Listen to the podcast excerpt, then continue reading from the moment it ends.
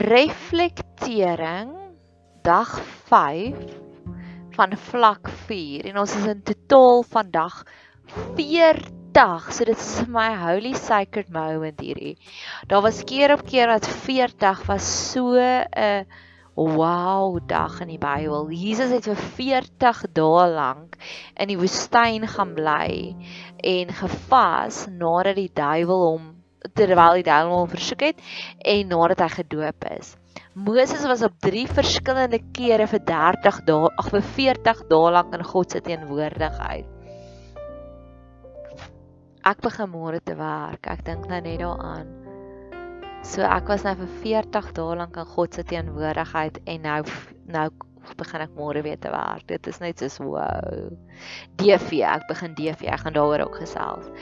En ehm um, ja, en die um sorry, ek ek het nou net so holy sacred moment ek so sakel.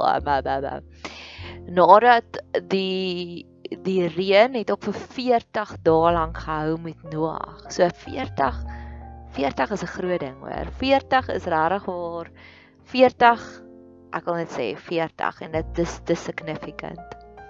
So in hierdie een my reflekterings is die notas wat ek gemaak het vir oggend is daar 'n paar dinge waarmee ek met jou wil gesels. En ek glo regtig waar daar's genesing in om te gesels oor dinge. So ek doen dit eers van alles in my waar ek dit is 'n tipe van 'n gebed vir die Here gee om te sê Here, help my hiermee. Ek glo daarin om dinge uit te spreek het baie meer krag as om net saggies daaroor te dink. Ek glo ook daarin dat ons almal ken net ten dele en hopelik met my wat ek nou vir jou gaan sit en vir jou gaan vertel. Dis wat ek ervaar het dis hoe ek daaroor voel. Gaan daar 'n tipe van genesing kom daarby? Ek sê nie ek is die alfa en omega en ek weet al die antwoorde nie. Party van dit is net gedagtes wat ek by jou gaan los en dalk het jy nog 'n antwoord daarby. En ander van dit is dit dalk soos aha, dis hoe ek voel. Nou kan ek uitgaan en vir iemand gaan vertel, onthou jy daai oomblik, dis presies wat ek voel. Ek het dit vir ek kry baie baie genesing deur om na podcast te luister. Ek luister na dit en dis nie wetenskaplike studies nie, dis nie soos gaslighting effek wat ons dit weet dis 'n feit nie of soos confirmation biases nie, want ons is almal nog op 'n reis. Ons is almal nog meer in pelgrims wat saam is op hierdie reis. Daar is nie 'n boek wat geskryf is dis wat gebeur in lockdown nie. Daar is nie 'n boek wat geskryf is om te sê dis hoe jou emosies gaan ervaar in 'n epidemie nie, want as ons deur rou gaan dan weet ons hier is die 5 stappe van rou en dit maak dit makliker. Maar dit waardeur ons deurgaan as 'n wêreld saam, as 'n land saam, daar is nie boeke geskryf nie. Daar is nie dinge wat jy moet voel nie. Soos wanneer jy siek word, as jy byvoorbeeld en ek dink dis hoekom daar ook soveel verskillende in, inligting is oor wat is die corona. Party mense sê dit gee 'n sekere koors, ander mense sê hulle kry nie 'n koors nie. Waar ons weet, ek is 'n montigenis, so ek weet tandvleisinfeksie lyk like so en dan as dit gesond word, lyk like dit so en as dit heeltemal gesond is, is dit pink. Maar daar is nie, daar is nog nie daardie wetenskaplike studies nie. So hopelik deur dit wat ek vir jou sê, dis wat ek voel, kan jy dalk ook ietsiekie vat en meer vrede hê daarmee of meer blydskap hê. So die eerste ding wat ek graag vir jou wil vra is wat vas jy?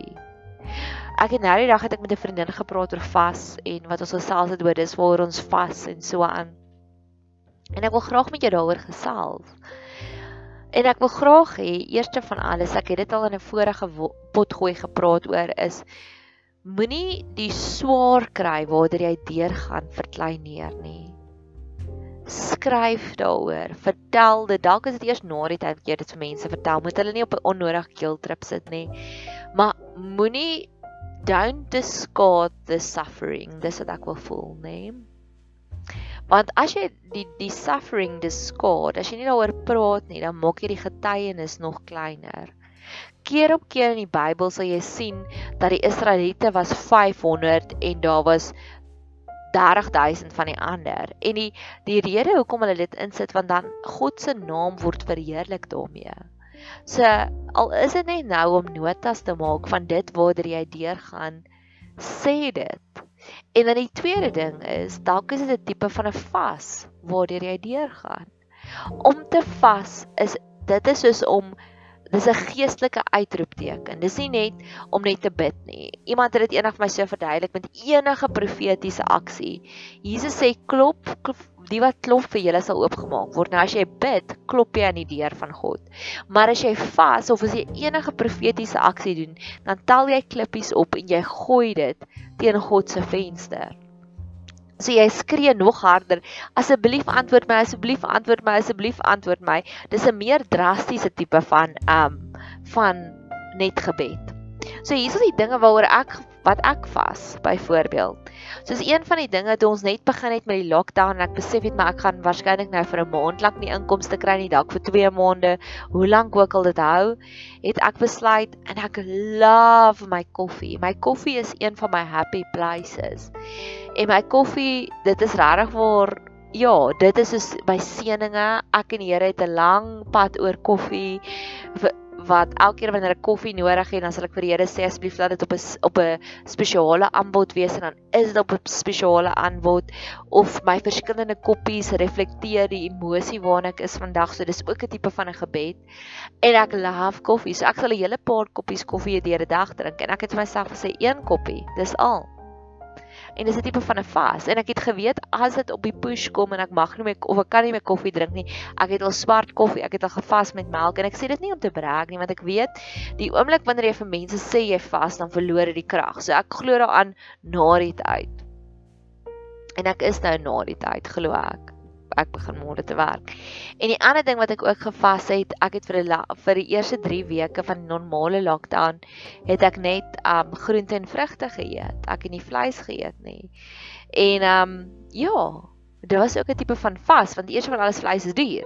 En ek het geweet ek het nie inkomste nie en toe ek toe nou daai besluit gemaak het van okay, dis hoe ek gaan spaar en die Here het my geseën want na die 3 weke toe het En letterlik soos na dit, nê, nee, toe het mense vir my begin van my vriendinne het vir my snitchels aangedra en kospakkies gegee en dit was net so amazing en ek het dis die ek het vir een ander vriendin vertel ek vas daarmee want sy het een aand het ek wou gaan kuier toe bied sy vir my biltong aan toe sê ek nee dankie en sy sê sy is seker dis ek wou ja weet jy wat ek vas eintlik so nee dankie en dis nou eers wat ek dit vertel. Net so dalk was daar dinge wat jy opgegee het. Dalk is dit van 2 ply na 1 ply toiletpapier. Dalk is dit stysoft. Ek het al stysoft gevas want ek het gehoor daar's nie meer finansies nie. Nou maak ek dit maar geestelike aspek. Dan sê ek, "Here, okay, my klere kan nie meer lekker ruik nie. So elke keer wat ek dit mis, gaan ek nou maar net vir U loof en prys."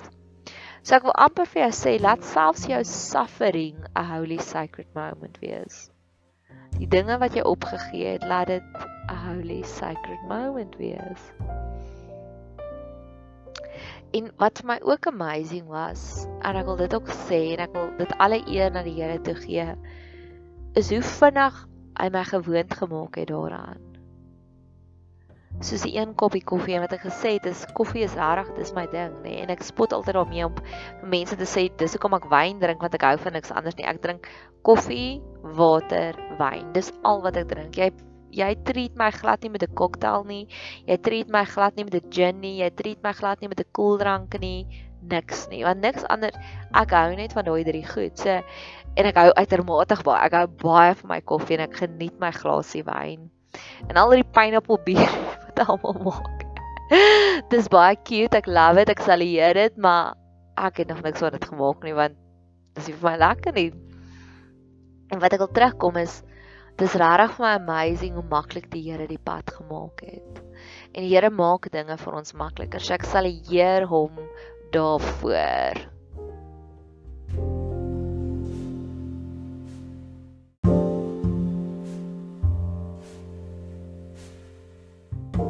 So ja, hierdie pot gooi draai nou uit my hele geestelike interaks want die eerste een het ons gesels oor vas en wat se implikasies van vas en hoe maklik is dit om te vas.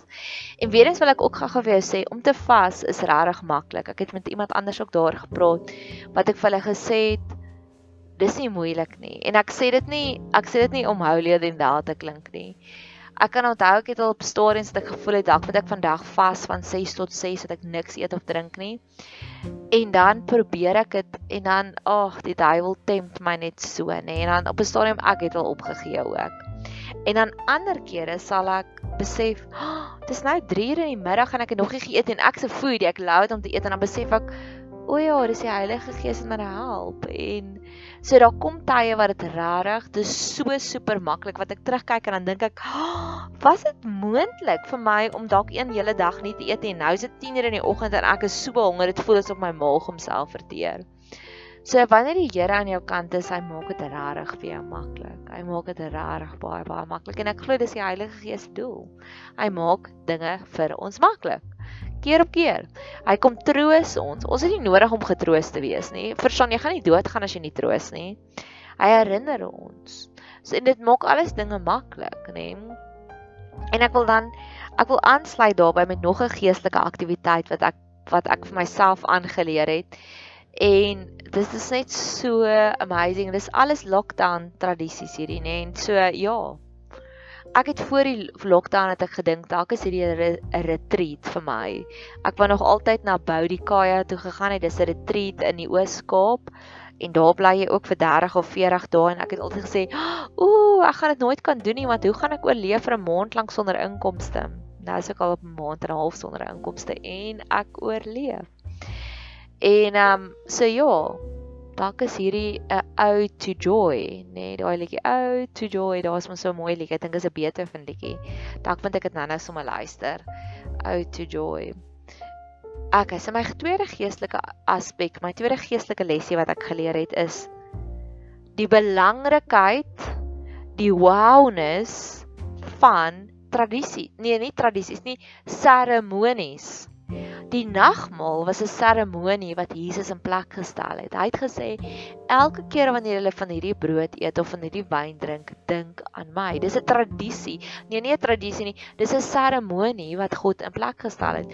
Om jouself te doop is 'n seremonie. So jy verwys jouself altyd terug soontoe. En toe die godsdiens gekom en die duiwel het gekom en dit het baie vertroebel, so nou is ons almal wat bietjie geestelik is, is o nee, ek kan net nie van seremonies nie. Alles moet geestelik wees, maar op hierdie stadium het ek besef wow, seremonies. Jou eie gemaakte seremonies. En ek het drie stories van my eie gemaakte seremonies waarvoor ek vir die Here inniglik dankbaar is. My heel eerste seremonie seremonie is ek is 'n baie emosionele persoon. Ek is baie intens, goed en sleg. Met ander woorde, jy gee vir my Ek het eendag verlief geraak op 'n bottel champagne se naam. Dit was dis Pongras Noble Nectar, nê? Nee? Is die is die is die is die is die champagne se naam. En ek het 'n foto geneem van dit in die drankwinkel en gedink dit was belaglik. Ek betaal betaal verseker nie R200 vir 'n bottel champagne nie. Alhoewel ek nou al van vriendinne gehoor het wat R200 vir 'n bottel wyn betaal onwettig op die swartmark. Maar in elk geval op daai stadium het ek gedink daar is geen manier wat ek R200 betaal vir 'n bottel champagne nie en ek het die foto geneem van die Noble Nectar se van Pongras en ek het 'n storie geskryf oor Noble Nectar. Dis 'n koninklike nektar en nektar is goed en dit dit is dit kom uit blommetjies uit en is natuurlik en jou nektarsbak moet vol wees wat jou liefdesbak is wat jou entoesiasmebak is. So ek het 'n hele romantiese storie geskryf oor hierdie bottel wat ek afgeneem het in die drankwinkel. En een van my vriendinne het gesien hierdie hele storie wat ek geskryf het daaroor. En 'n paar maande later het ek verjaar en toe sy vir my hierdie bottel gebring vir my verjaarsdag. En ek was so, oh, "Wow." Wow, wow, nee, dit was soos een van die grootste liefdesgeskenke, liefdesoffers wat iemand nog ooit vir my gebring het. Daar's 'n verhaal van Rachel en Rebekka, nee, nie Rachel, Rachel en Lea en en nee, Rebekka en Lea, nee, Rachel en Lea en hulle was albei getroud met Jakob en Jakob was lief vir Rachel, maar hy was nie lief vir Lea nie.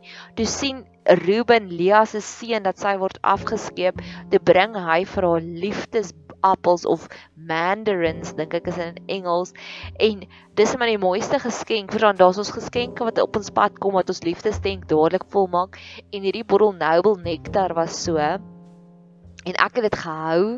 En toe eendag tot ek 'n spesiale afspraak met hierdie vriendin gemaak, ek dink omtrent 'n maand of 2 maande later, en toe sê ek vir vandag sussie drink ons my bottel Noble Nectar en ons het seker 3 ure gedrink aan daai een bottel want ons het dit so klein sippie, klein sippie, klein sippie. Dit was so holy sacred moment. Nou dis so ek is, nê? Nee? Ek is so oor die goeie goed in my lewe en hierdie is nou 2 jaar later, nê, nee, kan ek dit net noem en ek kan nog steeds presies so in detail onthou alles van daardie dag. Alles van daardie hele avontuur oor Noble Nectar. Ek moet eintlik gou gaan lees wat ek daaroor geskryf. En um maar oor die slegte dinge in my lewe ook, as daar iets sleg gebeur, ek vat vir hom verskriklik emosioneel.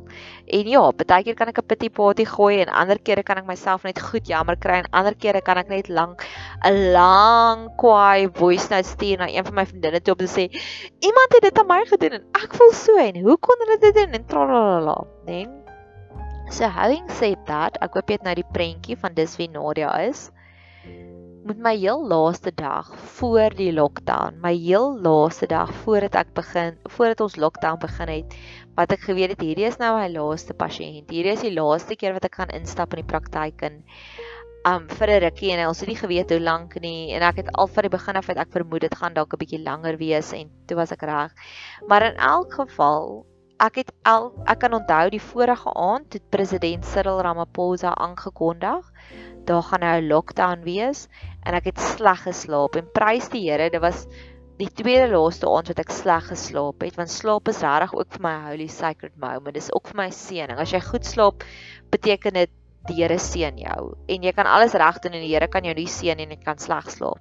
So ek prys ook die Here op hierdie punt vir die feit dat ek is min of meer deur my lockdowns te reis en ek het letterlik gedurende die lockdown net een aand sleg geslaap en dis omdat iemand lelik was met my, maar ek gaan nou daaroor op praat. En ek kan onthou ek het baie sleg geslaap daai vorige aand net voor my heel laaste werksdagie. In die algemeen is ek 'n baie goeie slaper en ek het daar gelê en gedink in die in die um bed. Jippie, want ek werk in 'n plek waar daar is nie baie geestelike boeties en sissies nie alhoewel ek baie hard met hulle werk sukkel ek. Hulle harte is toe. En ek het gedink môre is die dag wat ek kan bid by my werk. Ek hoor altyd van hierdie mense wat hulle wat by hulle werk is en dan begin hulle hulle dag met skriflesing en gebed en ek sê 'n werknemer, so ek het nie 'n leierskapposisie nie. So ek kan dit nie in afforceer nie. En toe dink ek môre is die dag. Môre kan ek hande vat met almal by die werk en sê julle ouens, kom ons bid asseblief nou net saam. So. En ek het daar ingestap en almal se oë was soos paniekbevange. Dit was die dag net voor die lockdown. En ehm um, ja, en ons het nie ons is dis ek is die Montigenis en twee tandarts, so daar is nie fondse. As daar nie inkomste inkom nie, weet ek die res van die praktyk gaan ook nie salaris kry nie, nê. So in elk ons het nie 'n groot korporatiewe soos 'n bank wat agter ons is, soos 'n bank, 'n groot korporatiewe maatskappy wat jy weet, ten minste vir 2 maande kan dan nog steeds salarisse betaal word nie. En in elk geval, um ek het daar ingestap en ek het gesê, "Julle kan ons asseblief saam bid." En almal was so, "Ja, ja, ja, ja, ja." En ek het begin dit was my gebed. "O, Vader." En ek het so gehuil. Ek kon nie bid nie. Ek sê dit, "Help ons." Ek kan nie normaal weghuil nie. Daar's baie mense wat hierdie mooi twee trane huil en dan dan lyk dit so romanties en ander mense ek kan net ugly cry. Oprah Winfrey noem dit ugly cry. En ek het my ugly cry gedoen en ek is soos okay. En ek kan onthou ek was super emosioneel en ek kan ook onthou vir my laaste pasiënt het ek het ek 'n foto van haar geneem skelmpies. Ek sal dit nie publiseer nie. En dit was soos my laaste pasiënt en ek het besef dalk gaan ek dit nooit weer sien nie. Ek weet, nê. En ek moet sê ek het soveel emosies uitgelash daardie die laaste dag by die werk dat die res van die lockdown was ek vry want ek het hierdie seremonie gehad daarmee.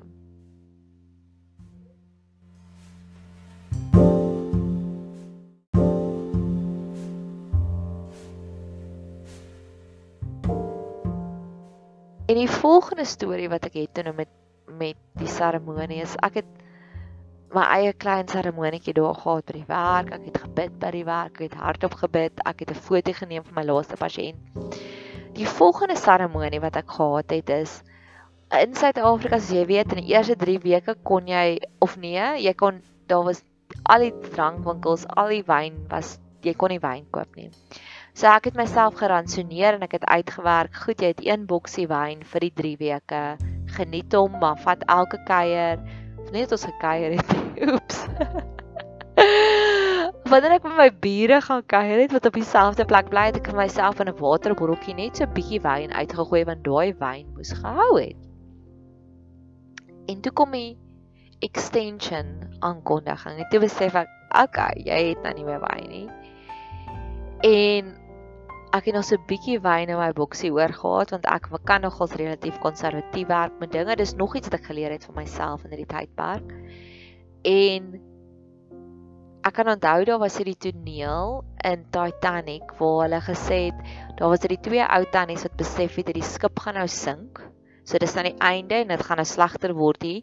En hulle het vir mekaar gesê kom ons gaan trek ons mooiste klere aan met ons meeste juwele, ons make-up onsself, ons doen ons hare en as ons afgaan we'll go down in flames, nê? Nee? En toe dog ek, okay, ek gaan 'n Titanic wyntjie drink. En ek het die Titanic wyntjie na my buurvrou toe gevat en ek het vir gesê, hierdie is my Titanic wyntjie. Hierdie is nou klaar. En ek kan vir jou sê, ons is nou al 4 weke later dink ek, 3 weke later van my Titanic wyntjie.